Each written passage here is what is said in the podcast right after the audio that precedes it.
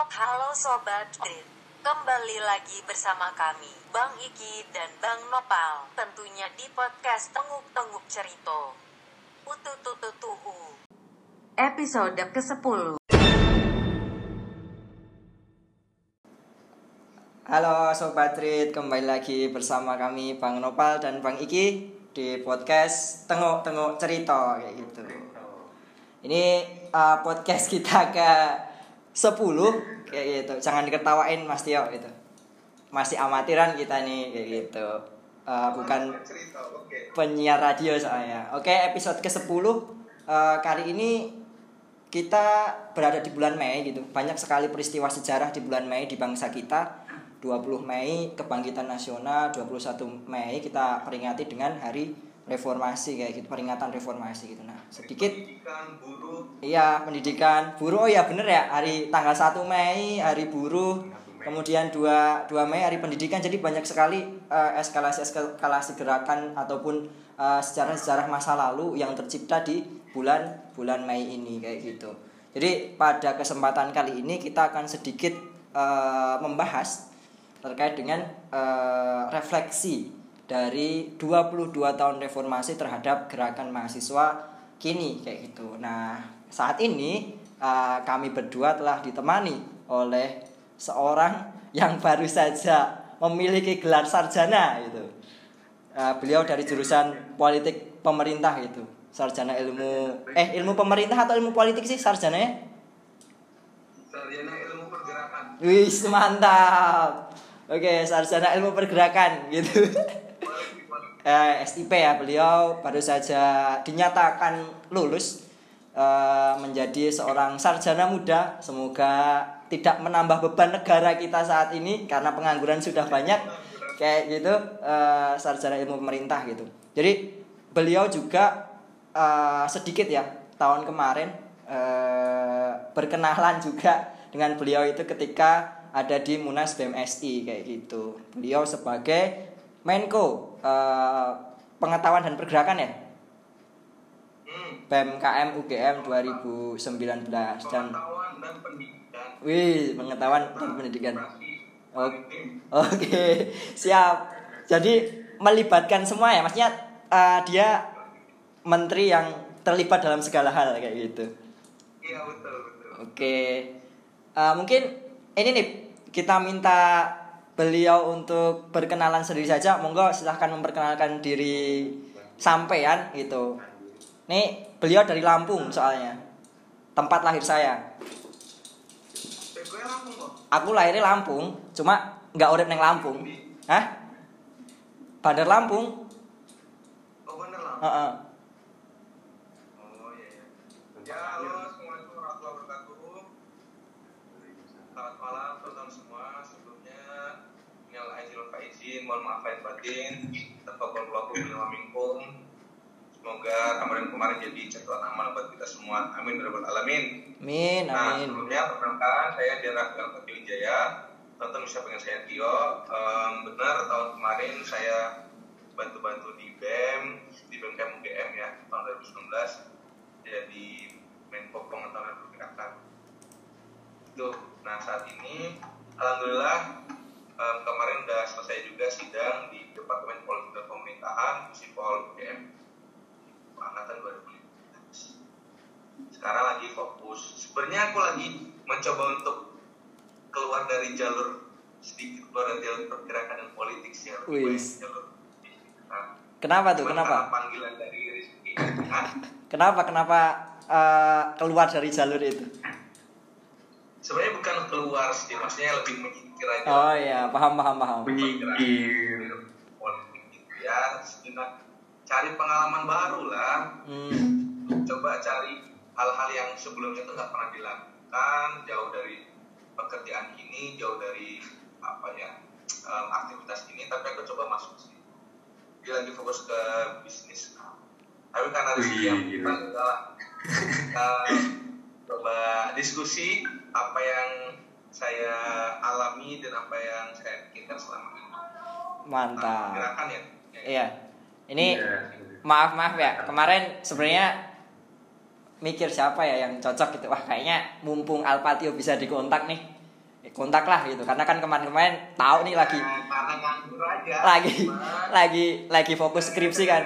nggak enak mau ganggu kan gitu. Ya udah kayak gitu kan. Oke ya nih ya sebelumnya. Ini udah kenal-kenalnya. sebelumnya nih sebelum. Ini lagi sibuk apa sekarang? Ya. Sekarang. Sebenarnya sekarang ya lagi ngerintis bisnis ya. Alhamdulillah em, tapi fokus ke bisnis bisnisnya di perikanan. Mantap. Jadi di budidaya ikan sejauh ini udah ada enam kolam. Em, udah ada 8.000 ekor.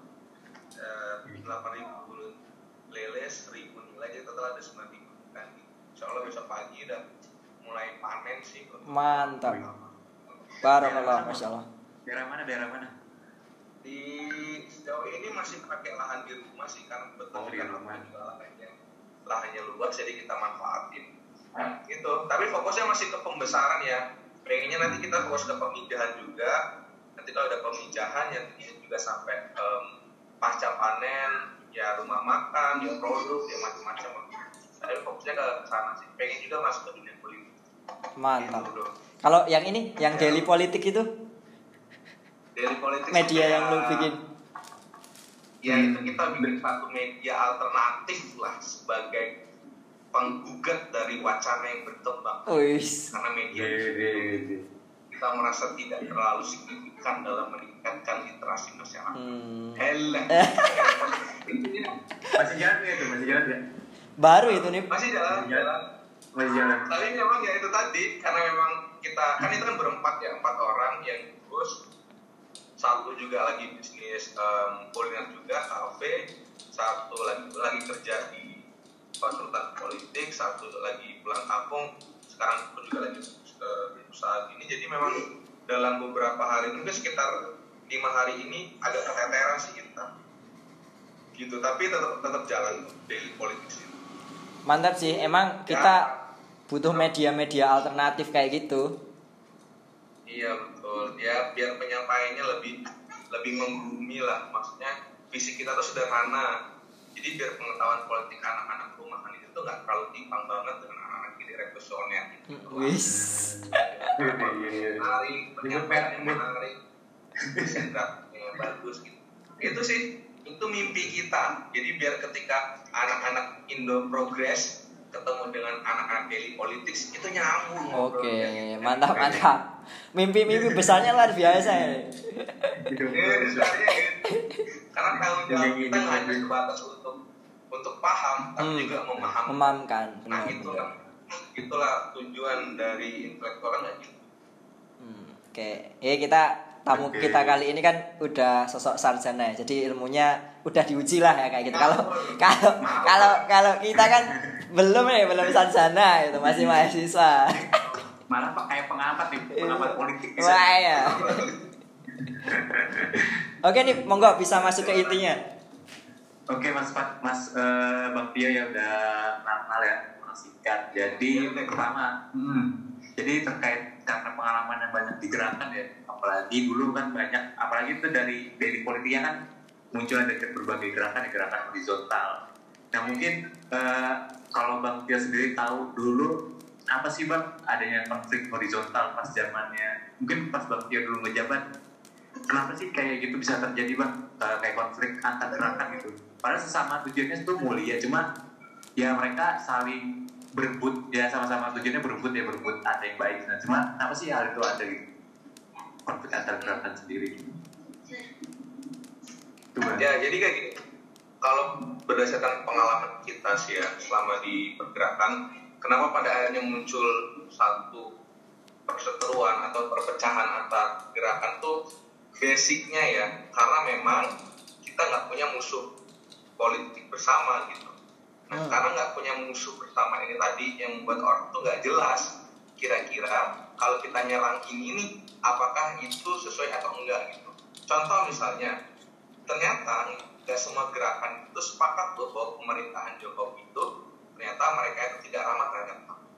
Banyak banget teman-teman yang justru melihat enggak, justru buktinya kenapa pada akhirnya Jokowi bisa dibilang hari ini ramah HAM karena ternyata ada usaha dari pemerintah untuk misalnya misalkan kasus pelanggaran HAM membawa ke Kejaksaan Agung ataupun ke DPR ya.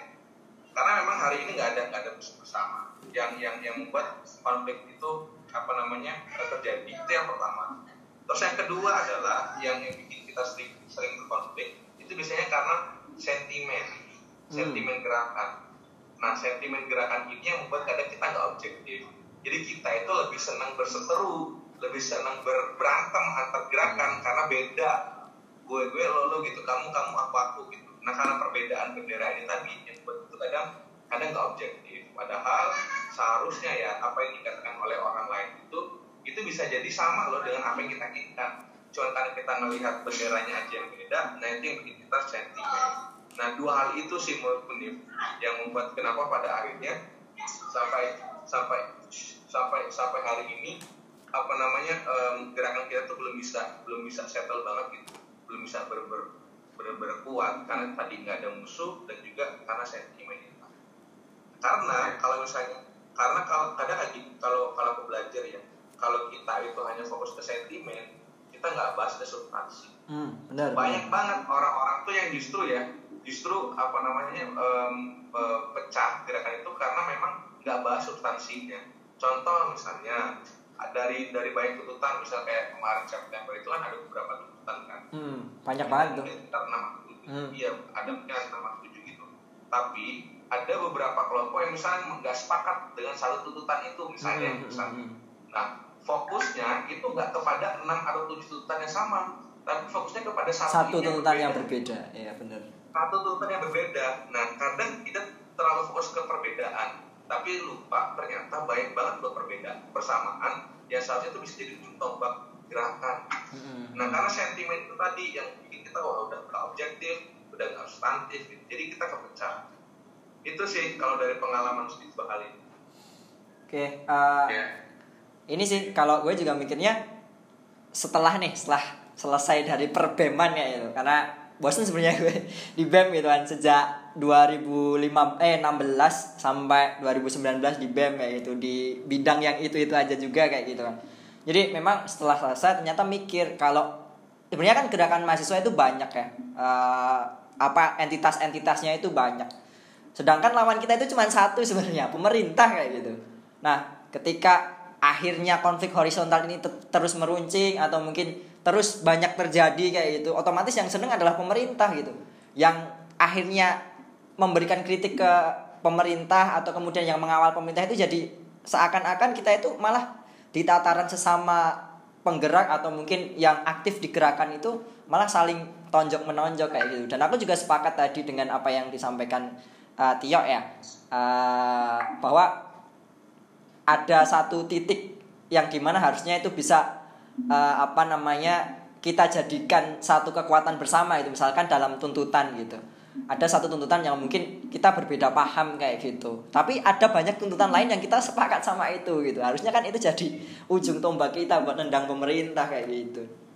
Tapi ya itulah Ya, yang kemudian terjadi. Ya itulah. Karena sentimen itu tadi sih. Hmm. salah satunya. kan musuh sebenarnya kan kita punya musuh yang sama ya yaitu ya pemerintah tadi. Cuma apa sih yang membedakan ketika kita tuh sama-sama sebenarnya benci kesel dengan kebijakan pemerintah? Cuma nampak kita tuh sampai sekarang kok nggak bisa bener-bener apa ya nggak bisa gerak bareng gitu. Kadang-kadang antar antar gerakan elemen BEM antar gerakan organ-organ gitu. Sudah sama kita sama-sama punya gerak ini punya musuh yang sama. Cuma eh, untuk menyatukan itu kenapa itu sulit sekali? Jadi kayak gini, sebenarnya kalau kalau kita bandingkan dengan misalnya era era orde baru, itu kan beda banget ya dengan dengan era hari ah, ini. jelas jelas. Karena kalau orde baru kan dia total totalitarianisme kan, sistem otoriter. Dan nggak ada demokrasi di pemerintah itu. Dan militer, polisian itu jadi alat negara untuk mengamankan berdasarkan ya atas nama stabilitas ekonomi, pancasila dan lain-lain. Itu ketara banget. Dan itu benar-benar totalitarianisme. Nah hari ini itu semi. Semi semi semi apa ya, semi demokrasi semi totaliter jadi seolah-olah demokrasi tapi nggak beda jauh dengan orde baru misalnya kayak gitu. Hmm. Nah, karena bias ini tadi yang kita tuh sebenarnya itu nerawang apakah musuh kita tuh benar-benar pemerintah atau justru pemerintah tuh punya nilai positif yang seharusnya itu nggak dikritik gitu. Oh, oh, oh. Nah, karena bias ini tadi loh yang yang apa namanya bikin kita tuh sebenarnya nggak jelas karena kan counter dari teman-teman itu biasanya yang pro terhadap pemerintah loh enggak pemerintah hari ini demokratis sekali Hmm. jadi kita Hmm, mesti berikan hmm. kesempatan untuk Ya. kontrol Benar. berikan kesempatan untuk demonstrasi gitu sedangkan dulu orde baru tidak ada kesempatan untuk konsol tidak ada kesempatan untuk demonstrasi bahkan kalau malam hari konsol bisa aja besoknya langsung diculik saya kayak gitu. Ah, Nah ah. karena bias tadi yang bikin kita tuh nggak jelas siapa sih musuh kita. Bagi sebagian orang musuh jelas musuh gerakan tuh memang jelas pemerintah. Tapi sebagian sebagian yang lain nggak selamanya musuh kita tuh adalah pemerintah. Itu itu itu yang yang, yang perlu dicatat satu. Terus yang kedua sebenarnya memang kalau kita kalau kita lihat ya bahkan kayak misalnya yang tadi Ski bilang banyak banget nih aliansi mahasiswa dari BMSI, BEMNUS atau bahkan BEM Pondok juga ada atau BEM lainnya gitu kan. Nah, ini memang yang jadi yang jadi yang jadi apa namanya yang jadi catatan. Justru ya kalau aku kalau aku pribadi itu nggak mempermasalahkan seberapa banyak aliansi itu nggak bermasalah, Hmm. nggak mempermasalahkan. Karena memang kita punya punya kultur, punya kedekatan, punya lingkaran pertemanan yang berbeda-beda. Itu hal yang wajar. Nah, yang jadi titik tekan adalah seharusnya berbeda aliansi tidak menghilangkan esensi dari dari isu yang dibawa gitu. Hmm, hmm. Jadi kalau misalnya kalau misalnya eh, esensi atau substansinya A, seharusnya dari aliansi 1, 2, 3 atau aliansi apa pun itu ya tetap sepakat gitu loh, tetap sama. Nah itu yang jadi titik poinnya hari ini. Kalau aku pribadi sebenarnya nggak memasalahkan banyaknya aliansi selama mereka masih dalam satu substansi yang baik, substansi yang sama kayak gitu. Karena memang heterogen ya masyarakat heterogen itu bilang punya kultur gerakan yang beda-beda, lingkaran teman beda-beda, bahkan ideologi yang berbeda-beda juga, cara gerak yang berbeda-beda. Ada yang geraknya memang pakai hard, ya kan? Jadi hard movement, jadi pakai gerakan-gerakan yang keras gitu. Tapi ada yang gerakan soft movement. Ada teman-teman yang memang lebih lebih banyak mengadvokasikan daripada demo Hmm. aksi, ya, kayak gitu. Hmm, hmm. Itu yang yang menurutku eh, menjadi catatan sini. Nah ya bener ya, kayak emang agak-agak bias ya kayak pemerintahan sekarang kayak mau dibilang tuh eh, apa otoriter cuma kayak agak gitu semu juga kan beda ya, kalau dulu emang bener-bener agak jelas dan ya emang bener-bener jelas cuman kan sekarang kan kebijakannya sebenarnya condong ke sana cuma agak-agak semu nih jadi eh, gimana ya? Jadi orang-orang pun ya biasa aja ngeliatnya tuh. Bener ini bang Ika ada tambahan bang? Ini sih kalau kalau gue main di di apa namanya tadi benar bahwa harusnya kita itu di antara eh, elemen atau mungkin aliansi eh, itu ketika menyikapi satu isu itu memang yang diutamakan adalah substansinya kayak gitu. Tapi memang eh, kalau kita lihat eh, ke belakang atau kemudian ketika kita mengalami adalah masih banyaknya sentimen-sentimen eh, antar gerakan yang ada di sana. Pada akhirnya yang menjauhkan kita dari nilai apa yang mau kita perjuangkan seperti itu gitu. Nah kalau ini nih mungkin eh, sebagai seorang pengamat politik ya ya gitu ya. Sarjana ilmu politik kayak gitu. Baru, ini lagi membranding nih lagi membranding. Oke, ah, menurut lu gimana sih apa namanya harusnya ke depan itu gerakan ah, dalam menghindari konflik-konflik horizontal kayak gitu. Cara menghilangi ya. Iya, menurut lu alternatifnya, alternatifnya biar ya sama-sama dalam tanda kutip kita itu yang ada di gerakan atau teman-teman yang masih ah, ada di pergerakan itu bisa gitu mengikis uh, konflik horizontal yang terjadi di antara gerakan kayak gitu. Hmm, ya sulit sih Hmm. sulit menurutku untuk untuk untuk itu tapi coba deh berkaca dari aksi September 2019 Ya. banyak banget di daerah bahkan di pusat dan di Jakarta kemarin tanggal 23 24 itu puluhan ribu mahasiswa akan turun tapi yang jadi catatan penting adalah sebenarnya kita itu itu itu jadi jadi pertanda loh bahwa bahwa sebenarnya mahasiswa itu bisa bersatu Oh, ya Iya, karena benar, kan benar. konflik kon- konflik horizontal yang terjadi itu pasca aksi Hmm, hmm, hmm. pra aksi itu enggak Enggak, ah, ah, aman ya, aman ya.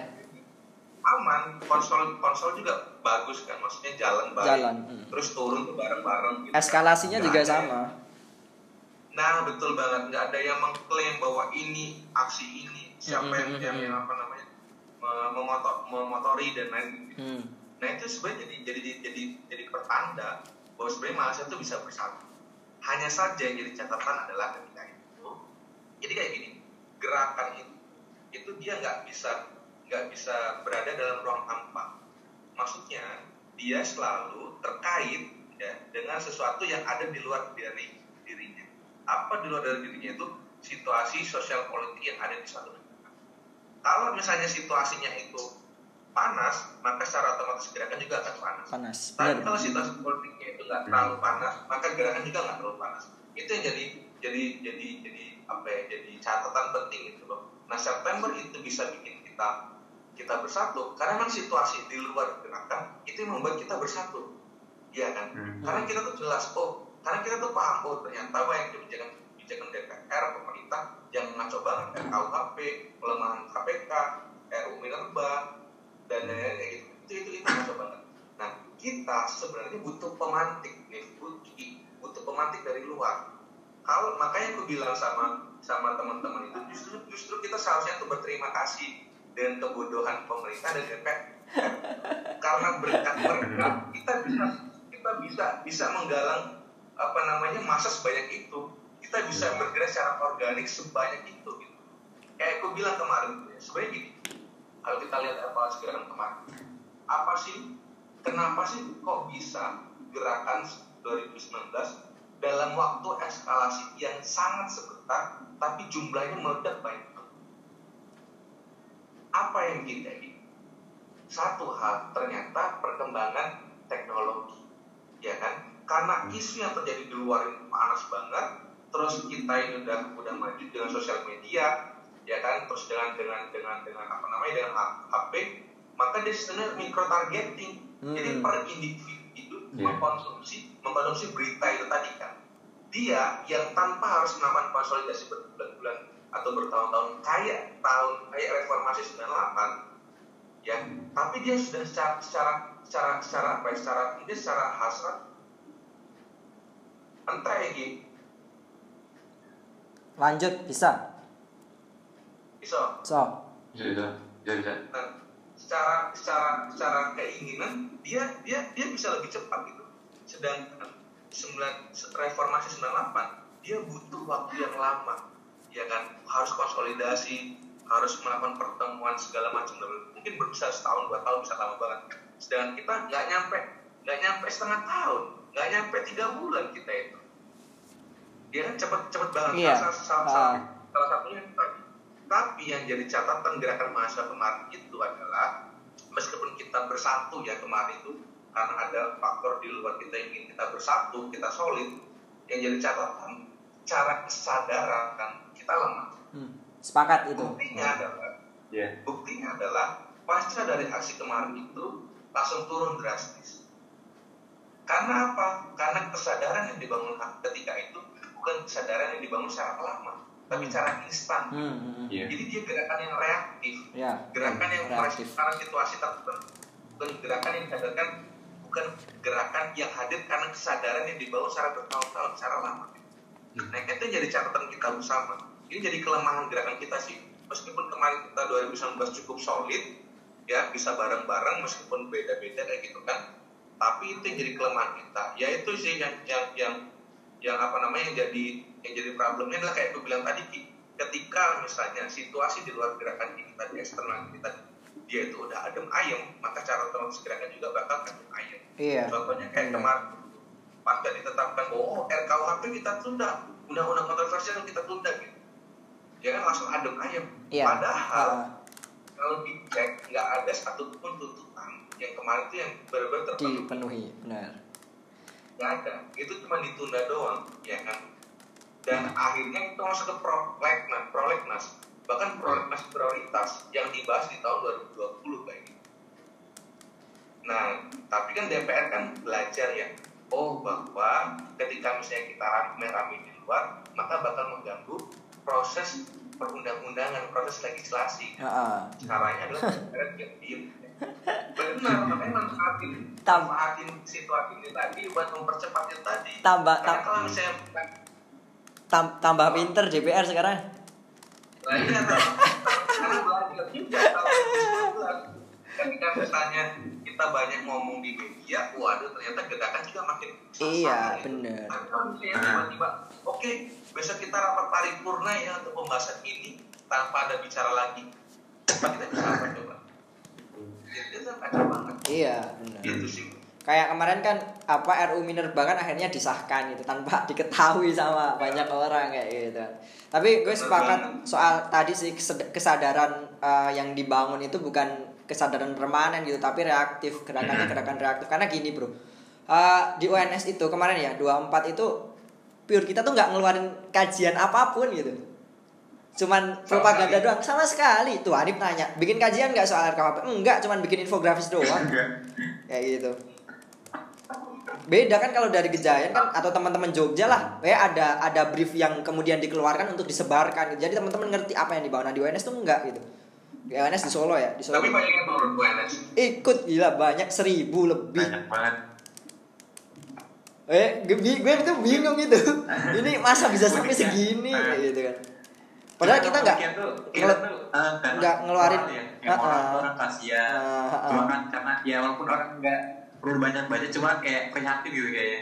Jadi orang ya turun-turun gitu. Cuma ya, ya itu bener karena terlalu moral ya. Cuma kita lupa bahwa intelektualnya itu nggak ada. Gitu. jadi bener-bener nggak nggak ini ya semacam ya paham apa yang dibawa tapi nggak begitu Nah. ngerti soal detailnya apa yang kemudian diperjuangkan Ya. itu nah itu kan menurutku juga nggak baik juga sebenarnya untuk sebuah gerakan oke di satu satu satu sisi ini jadi titik eh, apa namanya oh ternyata masih bisa nih mahasiswa untuk turun ke jalan tapi di sisi lain butuh adanya tadi kes- kesadaran sehingga tadi kita nggak selesai di satu titik tok gitu kan dua setelah dua dua tiga dua empat ini kan semakin ke sini semakin semakin turun kayak gitu kan benar seperti yang disampaikan eh, pengamat politik kita Mas Tio kayak gitu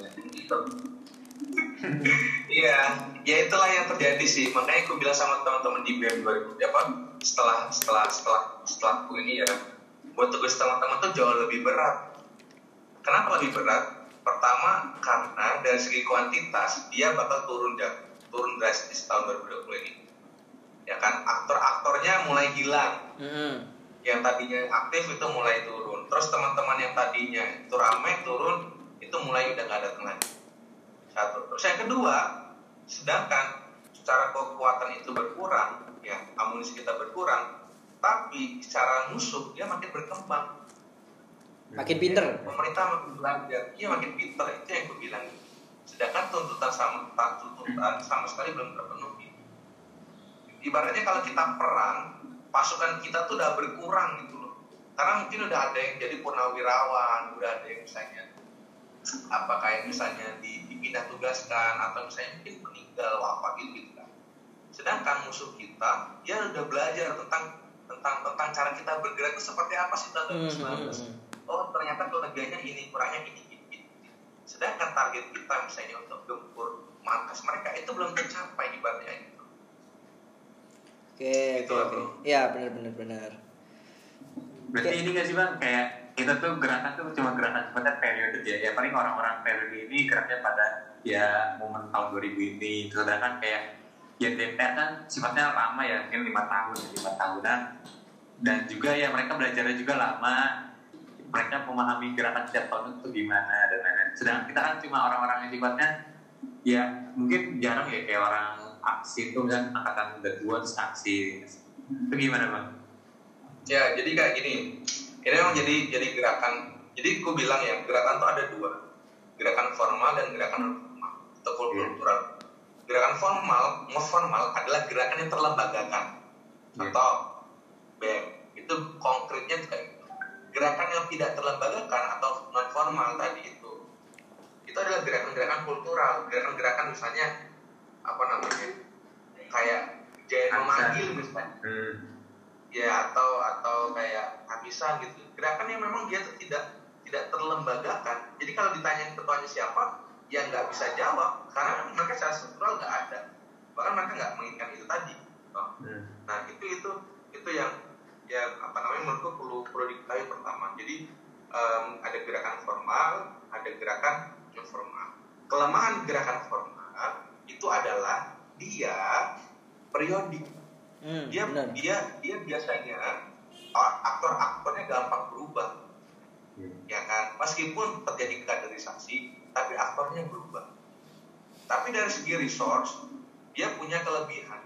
Dia punya masa yang banyak dia secara finansial dia juga punya karena dia sahkan cara cara apa namanya secara secara legal formal. Terus dia juga punya akses yang besar ke banyak aktor misalnya ngurusin aksi ya kan lobby dengan aktor-aktor politik itu itu dia dia punya kelebihan. Tapi kekurangannya sama. Sedangkan gerakan non formal biasanya dia aktornya akan lebih kontinu.